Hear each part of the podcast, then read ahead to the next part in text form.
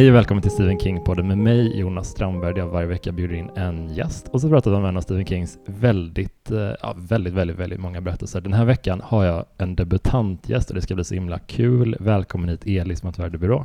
Tack så mycket, vad kul att vara här. Hur mår du idag? Jag mår bra, jag är jävligt stressad och lite manisk tror jag, men då, då brukar jag må ganska bra också. Mm. Uh, Vad beror det på att du är stressad idag? Nej men jag har mycket, jag läser korrektur parallellt uh, för två olika förlustdrivande do-it-yourself-förlag som jag är inblandad i. Ja. Uh, och det är jätteroligt att syssla med med sådana, vad, ska, vad kallar man det, passionsprojekt. Mm. Men det, vi är inne i den så tråkiga biten nu. Mm. Att så korrekturläsa Martin Lok och Ludvig Köhlers kommande eh, Renate Ambient-böcker. Liksom. Mm. Du hör ju själv hur kul det kommer bli när det är klart. ja. eh, alla är välkomna på Lucia, då har vi stort kalas för de böckerna. Det kommer men, bli ösigt. Ja, men nu är det så här, kan du ändra det där? Kan, den här Deep Purple-låten, det ska vara liksom stort T på time. Alltså ja. det är sån, sånt.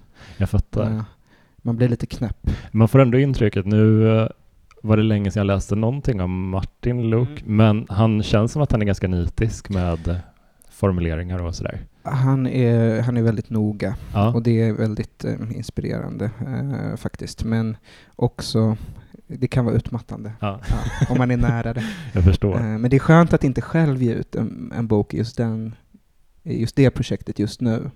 Det kanske kommer senare. Men du har gett ut uh, böcker själv. Mm. Hur, hur har det någon gång hänt att du har liksom fått så här exemplaren från tryckeriet och så upptäcker du en, ett litet stavfel, ett litet korrfel och du bara, vad, vad händer i en då liksom? Um, jag har gett ut böcker på många olika förlag och ju större förlag desto mer förbannad har jag blivit. Alltså om det kommer en bok från Bonniers och det finns ett syftningsfel eller alltså då, då blir man ju otroligt arg och besviken och ledsen på liksom hur branschens uh, vad säger, urvattning, liksom, att de inte har resurser att rädda en på det sättet. Mm. Men om jag har gett ut någon liksom, poesipamflett hos två pers som drivit förlag i Hägersten, då, då är det en del av... En mildare vrede? Ja, precis. Men jag blir nog mest besviken på mig själv, för mm. att jag, jag själv inte... Alltså det ska ju gå att trycka, det ska ju gå att koppla tryckpressen till min hjärna egentligen. Alltså, mm. Eh, så det borde ju vara rätt från början. Mm. Jag fattar. Mm. Uh, vi ska prata lite om två Stephen King-noveller idag. Mm, och det ska bli kul. Ja, det ska bli jättekul. Vi uh, pratade om det för ett tag sedan så här, och så plockade jag ur några noveller som jag var nyfiken på och som vi inte hade pratat om i podden. Och uh, vi kommer strax återkomma till dem, men jag vill höra lite om din re relation till Stephen King. Hur, hur har den sett ut? Hur ser den ut idag? Um, Jo, men det var ju roligt när du frågade för att min relation är ju relativt obefintlig. Ehm, jag, jag känner ju till Stephen King som populärkulturellt fenomen. Jag har liksom sett The Shining. Men annars är väl min relation till Stephen King typ att jag tycker jättemycket om uh, Killinggängets dokumentär om Gunnar Elin. Och det känns som att vara i alla fall typ tre steg ifrån Stephen King. Att så gilla en falsk bild av Gunnar Elin. Mm. Och jag följer Gunnar Elin på Twitter eh, och eh, han postar ju mycket om Stephen King. Mm. Så då, då håller man sig ändå uppdaterad. Det är som att få sådana pushnotiser om när nästa bok kommer i svenska översättning och så vidare. Det är väldigt kul med Gunnar för att han har varit med i podden några gånger och mm. han, eh, han är ju ganska nära King i ålder också. Mm. Och det är någonting väldigt kul att vara fan mm. av en person som man är nästan jämnårig med. Ja, jag tycker det är fint, jag blir glad av det. Och som man också är lite fysiskt lik. Ja. När de har tagit så selfies tillsammans. ja. det, eh, det, känns ändå som att Stephen King hyser en ömhet för Gunnar, vilket eh, han borde göra. Eh, mm. och det, så det är väl liksom min relation till Stephen King idag. Mm. Sen blev jag ändå glad när du bad mig att välja några noveller, för jag hade verkligen inte kunnat prioritera det här om du hade bett mig att läsa en hel roman. Det mm. hade jag inte haft riktigt tid med. Nej. Jag förstår, för, för min del är han äh, lite av, äh, vad ska man säga, av, av, jag får hemlängtan ibland mm. äh, av att inte läsa, för nu har jag inte läst någonting av honom på några veckor, utan läst lite andra grejer. så då när jag återvände för vårt avsnitt till de här två novellerna så kändes det så här, ja men okej, det här, det här är en ton jag känner igen, det är en röst som jag är bekant med. Det, Mm. känns, det är en trygghetsgrej. Har du sådana personer eller författare i ditt liv? Jo, men det där, Trygghets, eh, det där kan jag relatera till. Jag har nog eh, några olika, till exempel Martin Luuk som vi nämnde innan, eller typ så Sara Viljus tidiga romaner. Hon skrev en, som, en bok som heter typ Nej, det är en snöklump. Alltså som är så, här, så härlig, briljant men ganska så här naivistisk prosa. Sånt tycker jag är skönt mm. att läsa. Det är liksom inga höga trösklar. Man vill inte ha det när man känner sig eh, otrygg. Då vill man ju ha något som är lätt att ta sig in i. Det är, alltså jag, jag, jag gillar ju liksom också en bok som jag älskar som jag alltid nämner är Alla kungens hästar av eh, Michel Bernstein. Mm. Eh, så också så här, superlätt men svinbra bok. Mm. Eh, så. Poesin jag gillar, den är inte lika trygg men den, är, den kanske är, jag vet inte. Ja. Ändå återkommande inslag. Nej, men för vi ska prata om novellerna Word Process Processor of the Gods och The Monkey, båda Mm. ur samlingen Skeleton Crew, som på svenska faktiskt heter Den förskräckliga apan, den samlingen. Så Mm. den är alltså döpt efter en av novellerna. Just det, för jag googlade lite på Skele- Skeleton Crew och såg också en del omslag som hade apan på omslaget. Så det verkar ju vara som att The Monkey är någon sorts eh, eh, central novell i den här. Ja, och jag tycker det är, jag läst, inte alla alls, Mm. men ett par noveller ur samlingen och jag skulle säga att mm, utan att värdera novellen än, vi kommer Mm. också Ah, ah, komma ah. dit, så tycker jag att det är ett lite konstigt val. Ja, För att ja, i den samlingen har vi även The Mist, just som det, sen blev en film som blev en ganska just populär skräckis och ja, lite andra godsaker liksom. Men förstår jag det rätt om det här, eh, för den kom 85 tror jag, Mm. eh, att det är lite som en, ett uppsamlingshit. Alltså att det är lite så, mm, inte best of, men alltså just eh, några års eh, novellproduktion i olika magasin samlas i en bok. Ja, exakt. Han, han började sin karriär så för Mm. att bara tjäna några hundralappar här och där, skickade han Mm. in så här korta... Den marknaden saknar man ju lite för övrigt. Mm, Att kunna verkligen. skicka in märkliga noveller till olika Ja. herrmagasin. Ja, nej, men jag kan sympatisera med det. Det är lite som min senaste bok, Ironi för änglar. D- där är andra delen bara så att så här, jag, jag kände shit, jag måste ha lite pengar och ge ut en ny bok snabbt. Och så var jag bara, Mm. jag har ju massa texter. Så här, den här novellen som var i ord och bild, den där som var i konstlitterär preview. Jag bara sätter ihop dem och Ja. hittar på att det finns en röd tråd i Det tematiken. Ja, jag tror jag lyckades eh, lura alla. Eh, Fan vad snyggt. Och det var för att ja, jag behöver cash. Dels det. Men, det Delvis. var, men jag kände också att de förtjänade en andra chans, de där. Ja, ja, det är inte så många som läser obskyra tidskrifter. Eh, kanske fler som läste så Playboy där eh, eh, Stephen King publicerade, jag vet inte vilken det var nu igen. Det var nog Word, Word Processor. Ja, Ja, jag mm. tror det. Jag fick faktiskt, jag känner mig lite dum i huvudet, men jag fick typ googla vad en word processor var. Ja, det kan vi komma till sen också, men jag kände också att en ordbehandlare låter så... jag tänker mig då någon sorts eh, miniräknare. Jag tänkte att det var en Mm, el- elektrisk eh, skrivmaskin. Ja, Typ först att det var det, eh, men det var till något annat. Ja, ja, jag, jag var bara tvungen att släppa det där och tänka, tänka på det som en, en vanlig dator med Word, Word Ja. på. Liksom. Ja. Eh, typ. eh, fast 85 då, den estetiken. Liksom. Ja. Men vi kan börja snacka om den lite. Mm. Uh, Word Processor of the Gods. Den eh, handlar om en eh, man vars... eh, han har en familj som han är väldigt missnöjd med överlag. Han har en son som aldrig, som inte respekterar honom och han har en fru som han tycker ganska illa om. Och han har en eh, eh, brorson, väl? Eller systerson? Brorson, tror jag. Som eh, är, eh, han tycker jättemycket om. Så Mm. De är typ spirituellt connected, de har en bra vibb liksom. Mm. Eh, Den här brorsonen, eller den här systersonen eventuellt då, dör i en bilolycka. Tragiskt. Och eh, Richard, huvudpersonen, han ärver en word processor av den här pojken som är 15 år gammal bara när det händer. Och det visar att den här har en förmåga att när man skriver kommandon så händer de i verkligheten också. Mm. Vad tycker du om premissen så långt? Ja, jag tyckte det var intressant för den här eh, pojken som dör då och lämnar den här uh, word-processorn efter sig. Han, visst är det så att han har mixtrat med den eller i princip byggt den själv på något sätt? Han Just är någon det. sorts uh, sånt barn i, i USA som uh, vinner olika uppfinnare. Har du lyckats uppfinna någonting? Ja, men jag, det, jag kände det, att det där är en väldigt amerikansk grej, för så var det alltid när man såg på The Simpsons när man var barn, att det alltid var så att Lisa eh, var med på någon sån fair där hon visade någon uppfinning eller presenterade någonting. Och det där känns otroligt främmande att eh, men, men man hade väl vänner när man var liten som höll på med det där.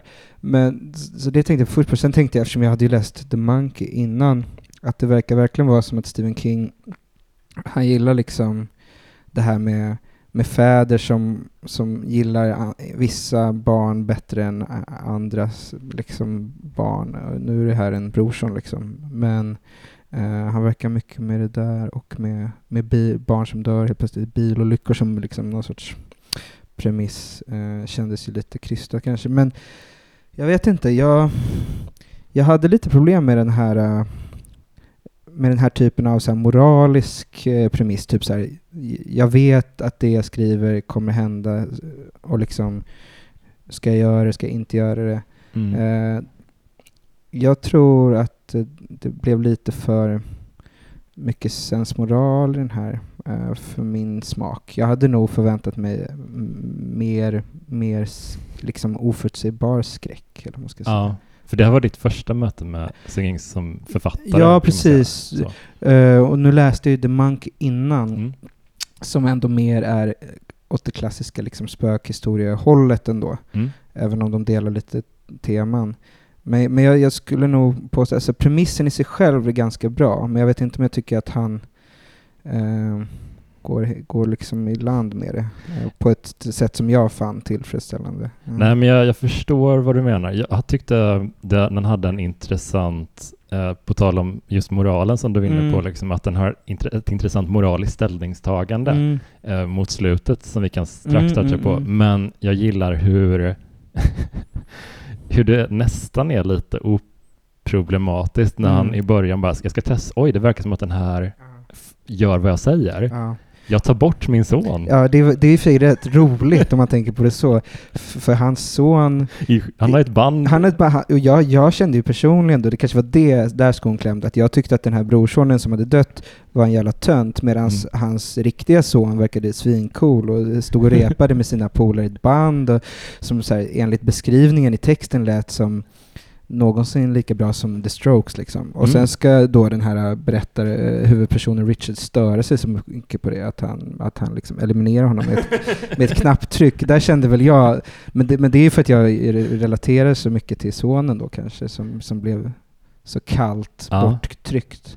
För att det är inte Mm. som att han dödar honom utan han raderar han- hans ja. existens från första början bara. Och det där är väl också då, men det är väl, jag ska inte pissa på det, för det är ju snyggt att våga öppna den Pandoras asken liksom, men att börja jobba med sådana sliding doors-grejer i, eh, när man hittar på prosa, alltså för mig är det bara, men vad, då kan ju vad som helst, eller så här, det blir liksom så stort på det potentiella. eh, men ja, men, ja men, men, men, men det var intressant att han liksom vågade sig dit. Nej men för att det har ju konsekvenser sen också i det att eh, när hans fru sen kommer hem då är hon kraftigt överviktig, vilket hon inte var tidigare. Och det är alltså ja, men den versionen av henne som det hade blivit om de inte hade fått barn. Ut, Mm. eller liksom formuleras det.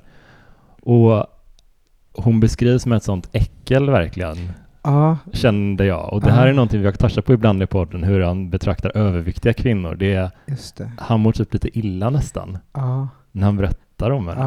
Och, det, och precis, och där försökte jag känna efter om det var Liksom, för det finns ju, eh, det finns ju en, en berättarröst och sen finns det ibland kursiverat, verkar han använda mycket när det är inre monolog hos, hos liksom huvudpersonen. Men det är ändå tredje person på, på huvudpersonen. Mm. Så det är ju ändå så att man känner att det är Stephen King som tycker att gud vad äckligt att hon kommer hem och äter jordnötssmör Ja. eh, direkt ur burken och har med sig någon fryst kalkon som de ska lägga ner i något kyls, någon sån frys. Och f- frysen fanns inte innan i det, i det, i, liksom innan i det andra universet utan det är också så här, han har fått en tjock fru och en frys. Det var det som hände när han dödade sin son. Det är de eh, Ja. butterfly-effekt. eh. Ja, precis. Ehm, ja, men det var, det var lite intressant för det där, som sagt, jag har ju bara inte läst så mycket men jag kunde känna av det där. Och jag har inga problem med det så, för det, men det blir lite komiskt nästan om man läser det idag. Mm. Man kanske hade läst det lite annorlunda 1985. Lite Ja. mer misogynt då. Nu kan jag känna bara eh, att det är lite, inte fräscht, men lite så oväntat med Ja. den typen av... Ja, vi kom in en tjock kvinna. Så var så här, Jonathan Franzen hade ju skrivit eh, 200 sidor om hur den kvinnan blev tjock av att inte Mm. ha något barn. Mm. Och då hade man ju haft mer liksom, empati med den berättarrösten. Men här är bara Nu på är- två meningar så är Nu det är hon liksom, tjock. ja, nu är hon tjock och äcklig. Förut var hon bara kall, men ändå lite snygg och smal sådär. Ja. Just det. Mm. Men eh, han, eh, det, det visar sig ganska så, han hänger, tillbringar typ hela, hela Mm. novellen nästan vid den här ordbehandlaren. Mm. Och den är inte den stabilaste datorn, utan Nej. man märker ganska snart att den, den är lite skraltig, den kommer kanske inte hålla sådär jättelänge. Mm. Och han testar lite olika så här. Ska jag önska att jag var den enda mannen i världen? Ska jag önska att jag levde Just själv? det. Nej, det Just bästa är nog om jag önskar att min eh, svägerska Mm. var min fru Mm. och eh, min nephew, att det borde vara systerson då va? Nej, det blir väl brorson för, för att eh, annars skulle han ju bli tillsammans med sin syster. Ja just det, ja, det, det är Ja, ja, konstigt. ja, ja. Så jag tror att eh, precis, han, han, han hade en, en en storebror som han tyckte illa om också. Och Som den också var full. som också de- var full och, och brukade slå det, det här barnet som har dött och, och eh, inte alls förtjänar den här vackra kvinnan som, ha, som huvudpersonen egentligen är kär i. Och då, precis, då önskar han sig att det, det, att det var hans familj i Mm. slutet, eller hur? Ja. Eh, ja men det är ju lite så här om du får en önsk, tre önskningar av en ande, typ, alltså som Mm. ett sånt tankeexperiment. Så här, vad, vad ska du önska dig? och ha, för honom är det verkligen att bara bli av med sin familj och få sin brors familj. Typ. Ja. Alltså, jag, jag Ja. tyckte det var, eh, i mitt huvud betraktades det som ett eh, triumferande ögonblick Mm. nästan. Är det någonting du kände igen i också? Ehm, ja, men eh, det var ju, det var ju kul, alltså. Det var ju kul att det var så alltså, brutalt på ett sätt och krasst. Liksom, den där, äh, bara, jag vill byta liv och jag kan göra det. Mm. Eh, och sen slutar det med att får man veta om man han. Jo, det får man ju. Mm. Han, han, han, han lyckas ju också. Det är också så här, äh, han lyckas. Alltså det är liksom vad, ja, jag blir lite konfunderad vad moralen, sensmoralen är. Så jag kanske tar tillbaka det där att den var för liksom, moralisk för mig. För den, det är väl snarare en, en rätt självisk liksom, omoral som vinner i slutändan. Den är så konstig för att den, Mm. eh, det beskrivs hur den här ordbandeln börjar liksom ryka Ja. och han har, han har nästan Ja. hunnit skriva det här kommandot. Jag Ja. önskar att min svägerska och min ja. brorson och sådär.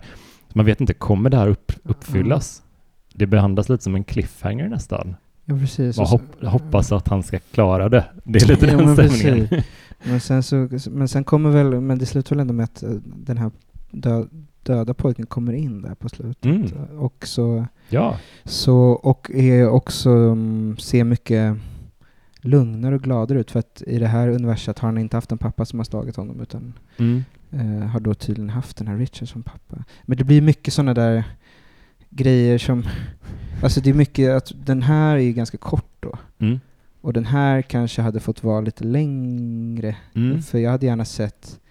Men jobbar han med flashbacks ibland? Hade han inte kunnat så här, äh, brodera ut de olika scenarierna som uppstår av den här ordbehandlaren lite grann? Nu förstår jag att, att själva den hisnande effekten är att det, att det liksom helt plötsligt så, så har man ändrat historien. Och så kan det ju vara. Så är det väl i så Tillbaka till framtiden också. Att så här, he, ja, jag vet inte. Men det hade varit kul med lite mer kött på benen i de olika... Ja, jag tänker också att Mm. den här hade funkat typ som en roman ändå. Ja, som utifrån den premissen. Också, det har vi inte nämnt, för han är ju också en misslyckad författare, Mm, mm. vilket är kul. Det är kul då att eh, för han leker med tanken, ska jag skriva in här att jag, kom, att jag har publicerat 25, eh, eller alltså massa bästsäljande böcker typ också, att, att det skulle vara en grej. Eh, men det är liksom kul. Det, det, det tyckte jag var roligt. Alltså, jag hade gärna läst mer om just den här karaktären, huvudkaraktären. Liksom. Men det hade varit kul tycker Mm. jag om det hade blivit lite så här Dorian Grays porträtt. Mm. Att han kanske, den utspelar sig under flera år Mm. och ibland så frestas han att plocka fram bordbehandlaren och Mm. önska någon liten justering. Så att Just det liksom smyger sig på små ändringar. Mm. Det hade jag tyckt var jättespännande. Mm. Men, ehm, nej men det, det är ju så ibland med hans noveller att de har en premiss som man känner, ja ah, men det här finns mycket, en, en spännande Mm. frågeställning och så bränns den ut på tio sidor. Just det. Ehm, Men det, men som sagt, har man är man så produktiv som författare så, så känner jag att jag är helt fine med, jag är den första att erkänna att, att ibland så, att jag är den första att liksom omfamna ett ojämnt författarskap. För att jag tror inte jag, mitt kommer se annorlunda ut, inga jämförelser i övrigt, men just den där ojämna känslan att så här, ibland har man en deadline till Playboy Magazine och det, det finns en teckenbegränsning mm. och sen kanske man inte tycker det är superkul att utveckla den till 600 sidor. Och då tar man en, en sämre premiss och utvecklar till 600 sidor. Mm. Men det kanske blir bra det med. Nej men det var intressant hur, ur, ur Richard, huvudpersonen, eller berättarens Mm. perspektiv här, ur, han tänker liksom på dels att det är helt sjukt att hans bror har en så fin son och dels hur sjukt det är att han själv har en så dålig son Ja. istället för att typ bli en bättre förälder Mm. och mer, vara lite mer engagerad och Mm. bry sig. Mm. Han, eh, han, är, han liksom checkat ut ur sitt eget ansvar ganska mycket. Ja, det kan man verkligen säga. Och också liksom inte ens... Ja, han är liksom en frånvarande, en frånvarande närvarande pappa. Han är liksom passiv i sitt hat mot sin fru och sin son. Det är inte som att han går in till sonen och drar ut förstärkaren och tar tillbaka sin mancave liksom. Eh, utan det är verkligen som att han mm, sitter, sitter och hatar på, kam- på, på kontoret. Mm. Eh, och då får den här som en gåva från, från Gud då.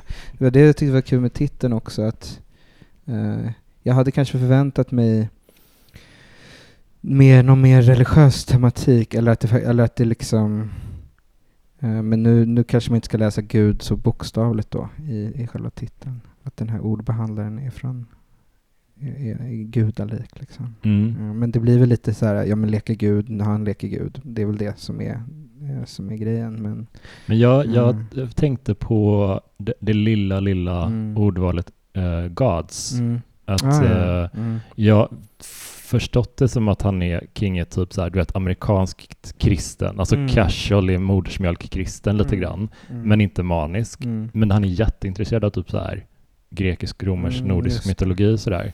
Just Och- det, och- är en gudalik, alltså gudarnas ordbehandlare. Ja, men det känns ju Mm. lite så här ehm, som en, någonting eh, som Loke skulle ha varit inblandad i, eller någon Ah, motsvarande i ah, ah. andra. Jag kan inte jättemycket om de andra mytologierna, men eh, den är ju lite så här knäpp, den Ja. maskinen. Ja, just det. Men att fucka med människorna liksom, att det ska det. vara en sån avsikt. Ja, det finns säkert, jag, jag är ju som sagt novis, men det finns säkert massa sådana serier redan, tecknade eh, liksom sådana Neil Gaiman-grejer där typ olika mm, Loke och Tor har olika tekniska mackapärer liksom. Det är en ganska rolig eh, det är kul att tänka sig så vikingar med eh, iPhones. Liksom. Så det är väl någon sorts... Eh, men, men, men det var ju trevligt har jag förstått det rätt om att det är liksom ganska representativt med själva settingen, att det är en viss typ av amerikansk liksom, kärnfamilj som är lite dysfunktionell men ändå lite medelklass och lite liksom... ehm, Jo men absolut. Det, det för det var det ju även i den andra novellen jag, jag läste på något Mm. sätt. Eh, att det är liksom där han ofta börjar, i den typen av eh, setting. Liksom. Ja men of, det, det, det, är verkligen så som Mm. du säger, liksom, att det är ganska vanligt. Men jag reagerade ganska mycket på att protagonisten um, i Word Processor var så här lite normalt brukar det vara en person som försöker göra rätt, som kanske inte alltid lyckas, men som du vet, Mm. har drivet att försöka vara, vara hygglig liksom. Mm. Men här kände jag inte det från start, så det var någon som hade helt gett upp och bara Mm. eh, Ja men precis, och det var väl därför den kändes, eh, men det var lite uppfriskande nu, ju Mm. mer jag pratar om det, att, att han fick vara så självisk ändå. Um, och att det inte fanns en backstory där han hade försökt att liksom rädda sin familj eller liksom bli en mm. bättre människa. Sen tyckte jag det var kul att både han och någon annan, eh, han får datorn av, jag förstod inte om det var en kollega eller någonting i början, men de har båda skandinaviska efternamn. Ja, Hagström. Ja, det tyckte jag var tre- trevligt. Tänkte jag. Ja. Det är någon sorts fördom om... Jag tänkte först att den skulle handla mer om teknik. Liksom. Alltså, Mm. Jag gick in och tänkte att men nu ska jag läsa om några så här St- Steve Jobs-figurer i, i något Mm. garage som har en startup. På gång. Ja, så, blev, så var det inte det. Det var bara just det där ordet word processor som jag inte liksom heller hade koll på innan. Eh, och som jag inte fick några tillfredsställande liksom, översättningar av på Google Translate. Nej. Mm. Nej, men jag förstår vad du menar. Mm. Um, nej, men eh, ja, överlag en intressant novell, ett, ett intressant, tycker jag, moraliskt eh, eh, experiment, man ska säga. Eh, lite underutvecklat kanske. Mm. Men ska vi gå vidare till The Monkey? Jo men det tycker jag ändå eh, att vi kan göra. Det känns som att det, är- det, det är ju nästan som en... Hur lång är den? 40 sidor typ. Ja. Eh, jag läste den på mobilen och då känns det mycket längre av någon anledning. När man, Mm.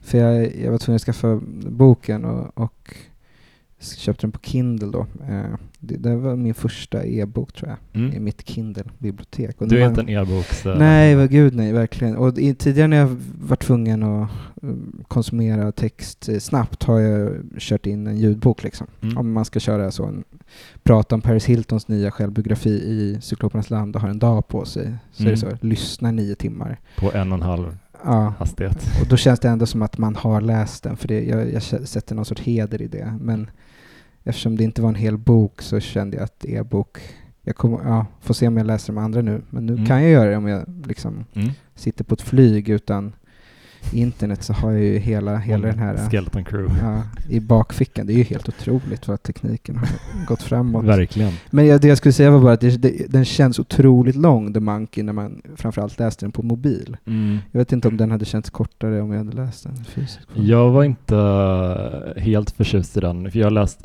det är konstigt, jag har Mm. bok, po- pocketboken Mm. fysiskt, men jag har också precis skaffat ett, uh, ett sånt abonnemang, Mm. så jag tänkte, ja men jag hade paddan närmst, Mm. orkade inte leta upp pocketversionen. Jag läste den faktiskt som e-bok. Det, den kändes lite lång, den här tycker jag också. Det var inte den, min favorit av hans noveller. Eh, den handlar om en, eh, en någon sorts leksaksapa Mm. som med symboler som hittas på en vind eh, och det visar sig att när den här apan slår ihop symbolerna då är det någon som kommer dö. Mm. Så kan man väl enkelt Mm. förklara.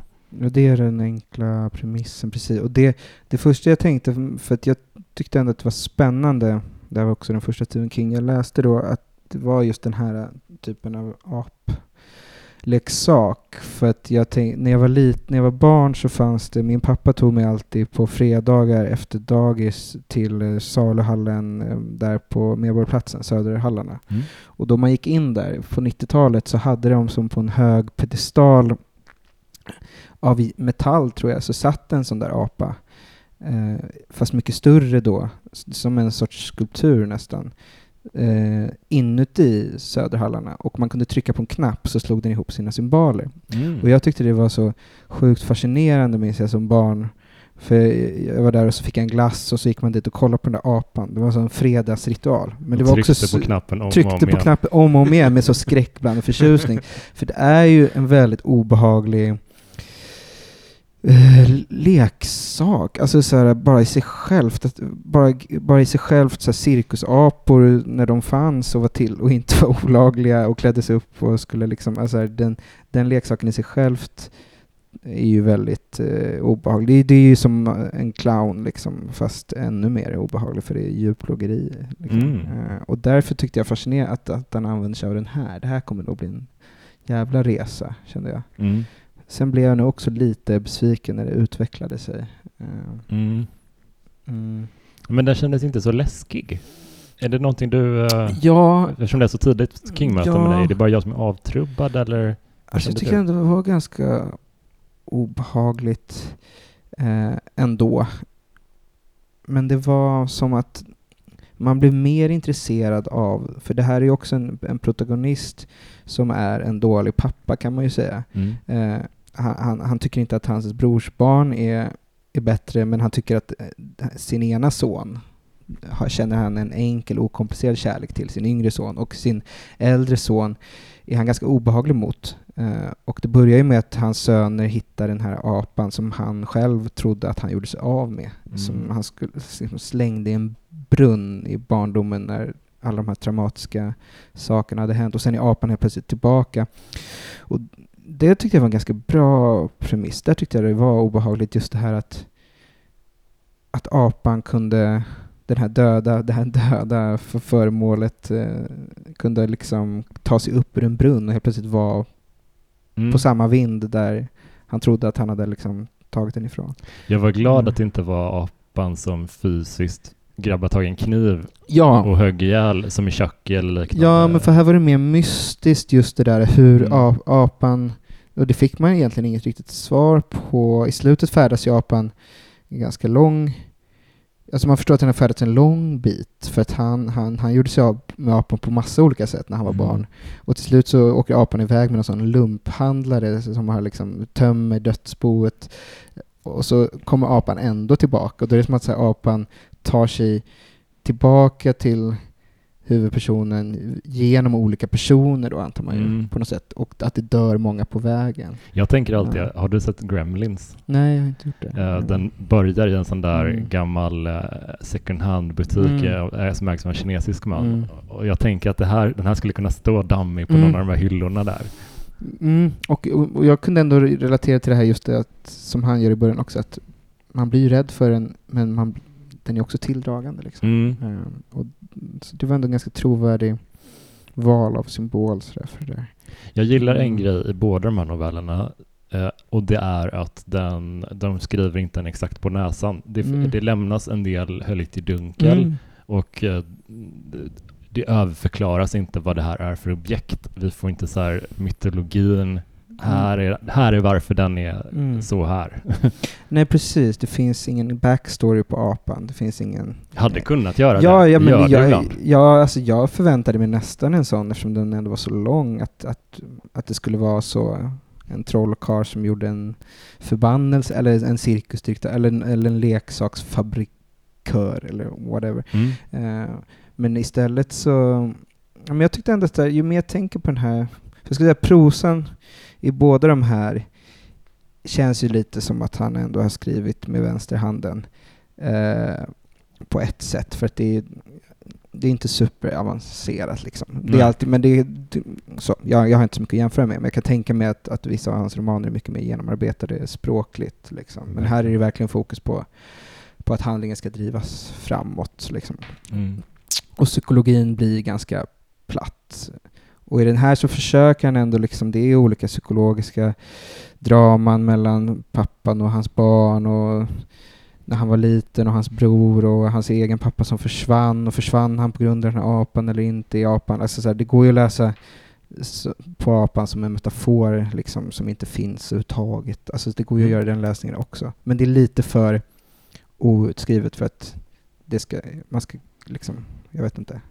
Eh, det hade kunnat gå om han hade liksom tagit det liksom lite längre i de, i de mellanmänskliga relationerna mellan de här. Ja, men jag, jag Mm. tycker om hans premissdrivna noveller Ja. på ett sätt. Alltså, det finns Ja. en i den här samlingen som heter eh, Flotten, The Mm. Raft, som handlar om eh, ett gäng kids som är ute, har ute och festat och de, de simmar ut till en flotte mitt i en sjö och sen upptäcker de att det finns någonting i sjön. De kan inte ta sig ifrån flotten, de är lämnade där, off season typ. Det är jättespännande tycker jag. Det är så här, de, spelet de mellan, eh, hur ska de försöka klara sig? Jätteintressant. Just här, det. eh, det blir inte riktigt det här... Jag tror problemet är att den här apan inte riktigt... eh, den skapar inget tryck på relationerna, liksom, om du förstår vad jag menar. Att, eh, ser man på Flotten som ett exempel, som Mm. du inte har läst nu då, men, Mm. men baserat på det jag berättat, Mm. det skapar ju ett tryck på de som är, är där. Eh, Mm. Hur reagerar de? Hur är de mot varandra? Jag upplever inte att det händer så mycket med, sinsemellan, mellan karaktärerna. Nej, och det låter ju spontant också ehm, som i, i regel bättre premiss för en novell att det utspelar sig till exempel på ett tidsplan under en ganska liksom kort tid också. Eh, och här jobbar han liksom med en ganska episk tidsplan där han ändå går fram och tillbaka mellan barndom och ett nu. Eh, och den, den tids... Eh, blir ganska svår att ro i hamn. Men, men jag tycker ändå det är intressant hur det typ ändå, hade han bara stannat i nuet tror jag Mm. att det kanske hade blivit en bättre eh, novell. Alltså den här huvudpersonen, pappan, han hade ju kunnat berätta för sina barn om, om hur han hittade den här apan på ett sätt som inte var långa scener prosa, utan det hade kunnat berättas i någon sorts dialog. För Mm. det finns en intressant han och hans fru, hans fru verkar liksom knarka sömnmedel och liksom, alltså det finns, det finns ju något mörkt med den här familjen. Det verkar inte gå så bra för dem. Han har förlorat något jobb eller liksom, och de bor på något tillfälligt motell och det är därför de var tillbaka där han växte upp och hittade den här apan och sådär. Men jag tror det är att, att han verkligen skriver ut hela barndomen, eller försöker göra det som det blir lite tradigt. Mm. Eh, man tappar lite spänning. Liksom. Skala av är väl en bra idé när man jobbar med noveller. Ja, men jag håller faktiskt med om ja. det. För att jag trodde jag skulle tycka mer om den här för att det är ett, ett, ett, några av poddlyssnarna som har nämnt den Mm. här och samlingen. Mm. Liksom. Men jag tyckte inte den här var sådär jättespännande. Eh, och det, det, problemet var att den kändes lite för mycket 80-tal.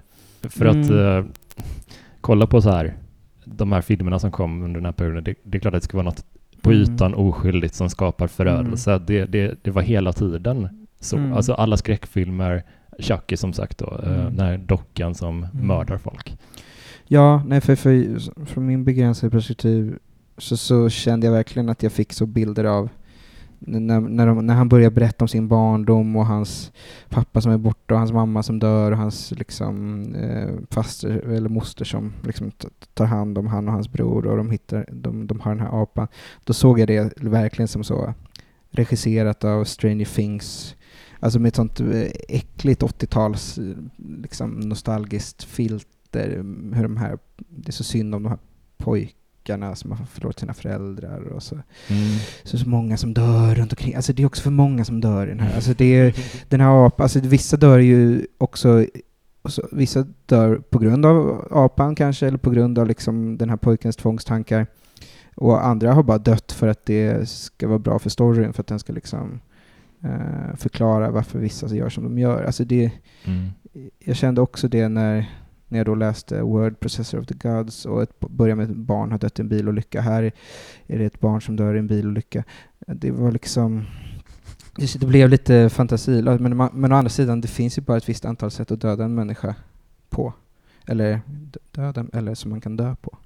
Så jag menar, vem är jag? Jag ska, kanske ska komma på några förslag, några orgi, originella dödsfall innan jag kan liksom svära i den kyrkan. Så.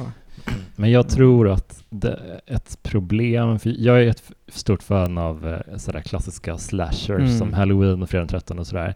Men det de har som sin styrka är liksom eftersom det alltid handlar om ett gäng kids som blir mördade av huvudpersonen då. Det, Mm. det är att de har en huvudperson. De Mm. har liksom eh, Mike Myers eller mördaren då som, som det byggs upp en mystik kring Mm. som ofta är lite karismatisk Mm. på sitt sätt. Här, ehm, här händer inte så mycket i mig vare sig när jag läser om de mänskliga huvudpersonerna eller om apan. Det finns liksom inte någon riktigt att ankra sin empati vid. Om du förstår, förstår du vad jag menar? Det Mm. är lite flummigt. Ja, men jag förstår vad du menar. Och det är nog för att, ja men precis, man, man kan på något vis känna empati för huvudpersonen som barn, Mm. men huvudpersonen som, som vuxen berättare, eh, eller liksom från det perspektivet där det berättas ifrån, är ju, är ju en ganska obehaglig man. Liksom. Och, och sen kände jag också att det, Och det var i och för sig en, en kvalitet, att när det blev som läskigast var inte när folk dog, Mm. när apan klappade eh, med symbolerna och det stod i någon sorts märklig kursiv eh, sån monolog som jag inte förstod om det var apan som tele, telepatisnackade med, med den här pojken eller om det var pojken som tänkte det liksom, men typ, är du på tur? Vem ska dö nu? Ska din mamma dö? Ska din broder? Alltså det var någon sån, det läskigaste för mig var typ när han har stängt in apan i sin koffert och stängt den och sen gått och lagt sig. Och så får han höra bara, nej men du låg och sov med den som en nallebjörn. Alltså det var ja, ju det var läskigare. bra. Det var en bra scen. Alltså sådana scener blir nästan mer obehagliga.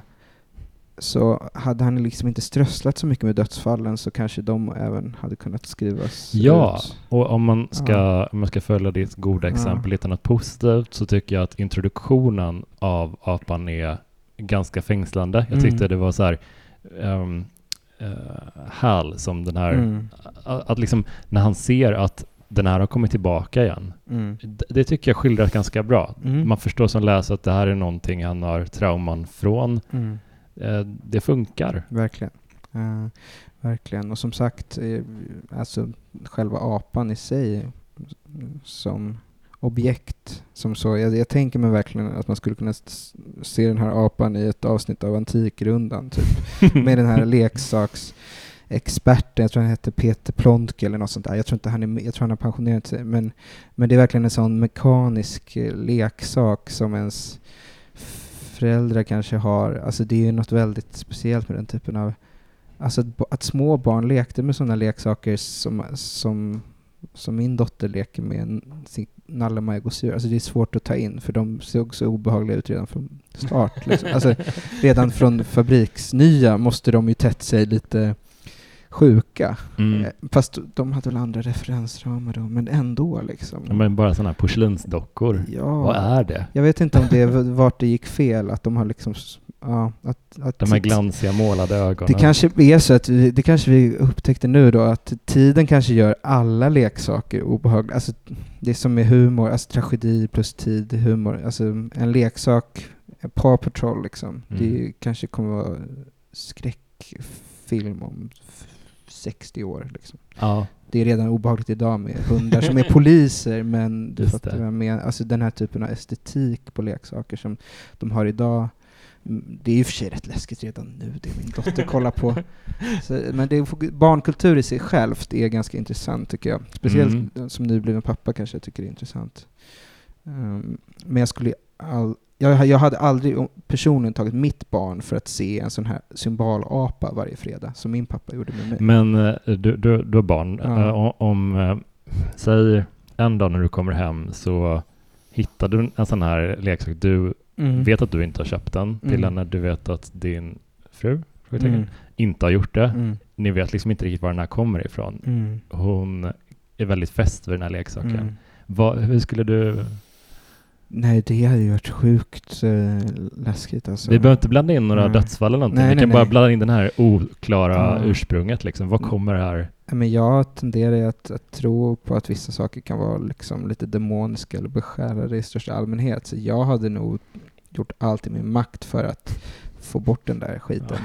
Men jag är också en väldigt sån curlingpappa, så hade min, om min dotter liksom inte hade gett alltså så här, om hon verkligen hade älskat den hade jag nog inte haft liksom, alltså hon hade nog vunnit den fighten. Så där. Det är så Mm. knäppt för att jag har en, jag nämnt det en gång tidigare i podden tror jag, men Mm. ehm, jag har en deal med min tjej liksom att om någon av oss skulle Mm. uppleva någonting övernaturligt, så här, vi tror inte på det, Mm. men om någon skulle märka någonting, Mm. då måste den andra tro på Mm. vad Mm. ja, jag eller hon säger.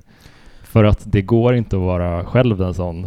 Nej. Och det är konstigt för att jag har hört att många som älskar skräck, Mm. särskilt skapar skräck, de blir, tror mindre och mindre på något paranormalt.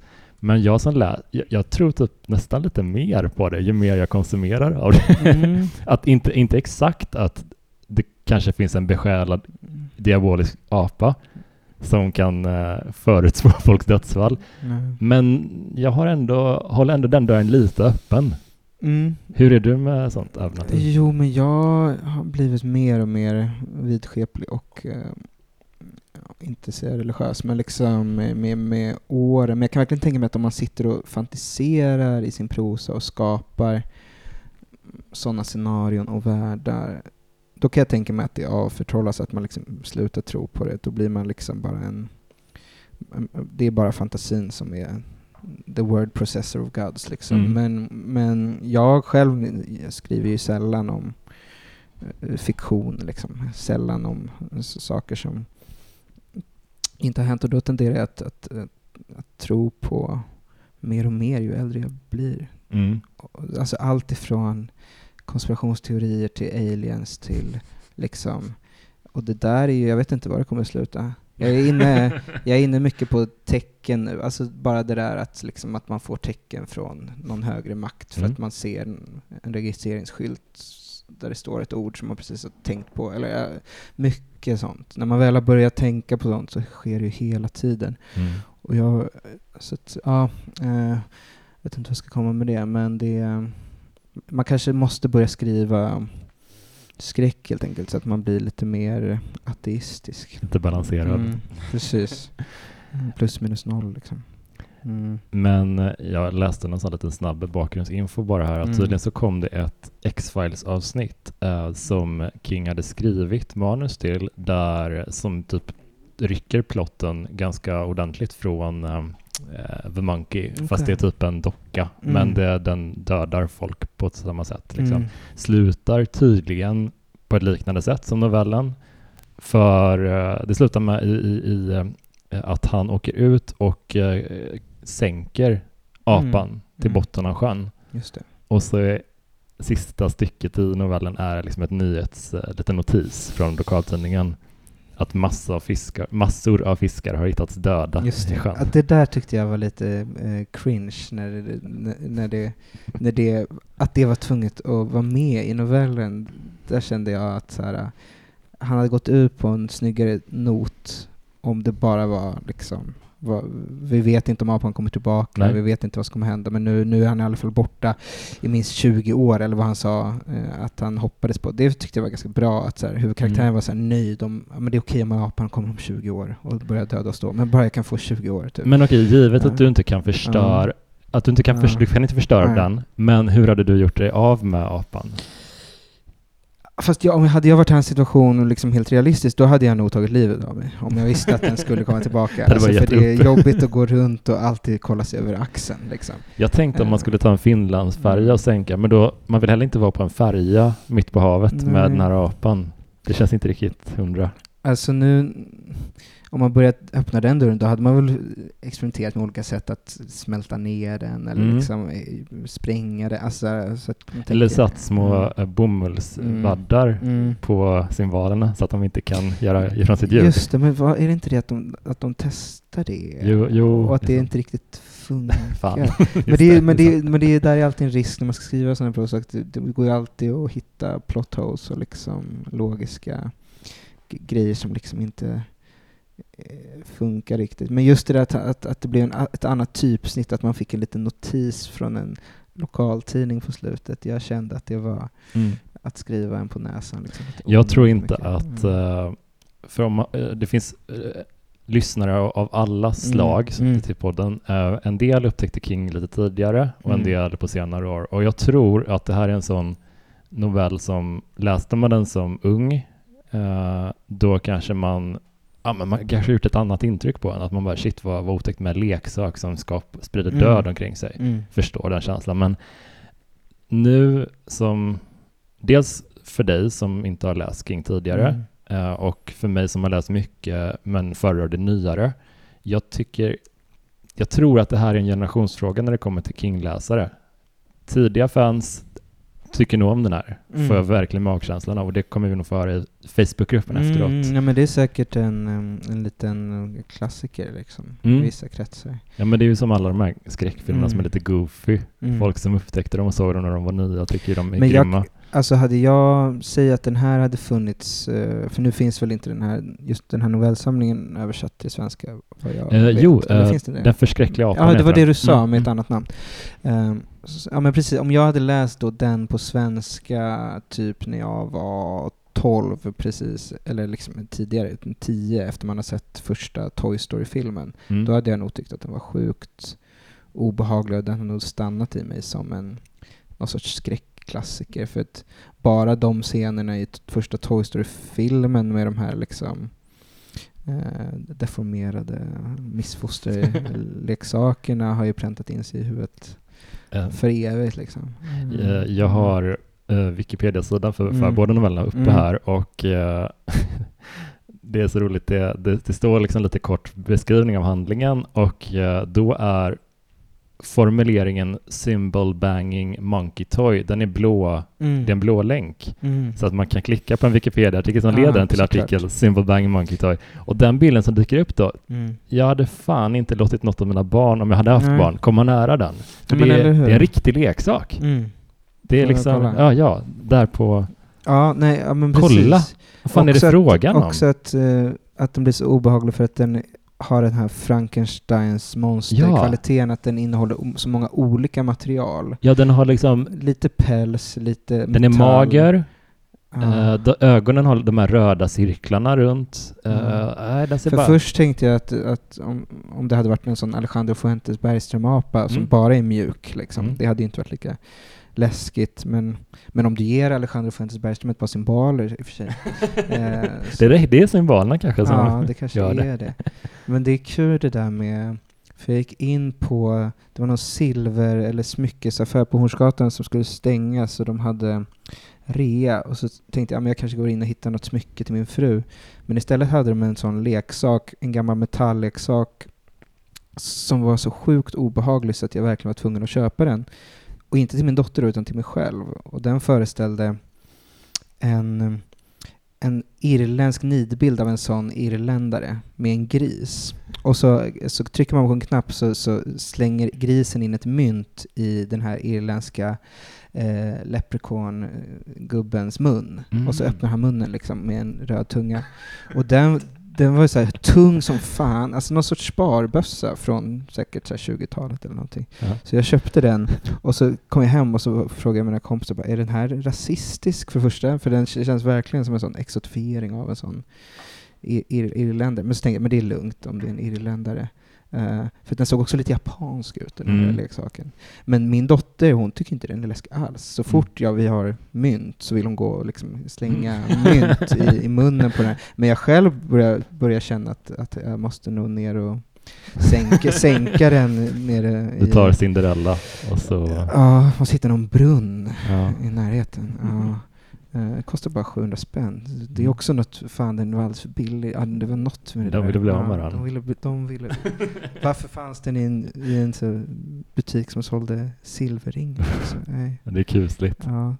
Ja, men nu börjar jag förstå hur, hur, hur de kan transporteras. Liksom. Mm. De, den här typen av demoniska eh, saker.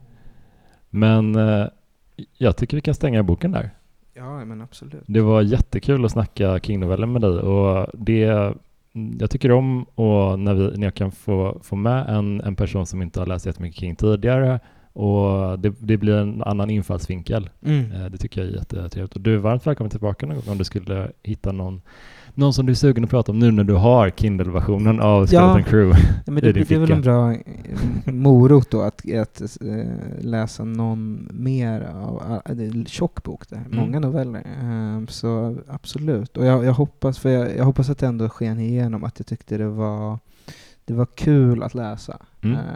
Det var bara liksom i, inte min förvalda kopp te och det är rätt skönt ibland att vidga sina vyer lite. Så jag hoppas jag inte lät för raljerande när jag pratade Nej, film, det för tycker att jag inte. jag, jag, jag återkommer gärna. Ja, men vad kul. Mm, mm. Eh, men eh, tack för att du var med i podden Elis, det var jättefint. Och tack för att du har lyssnat på det här avsnittet. Du som lyssnar, hoppa gärna in i Facebookgruppen och eh, berätta om du är ett fan av de här novellerna. Och i så fall, är du en tidig King-läsare? Beror det på, ja, stämmer min tes? Bla bla bla. Uh, men vi hörs om en vecka igen. Hej då!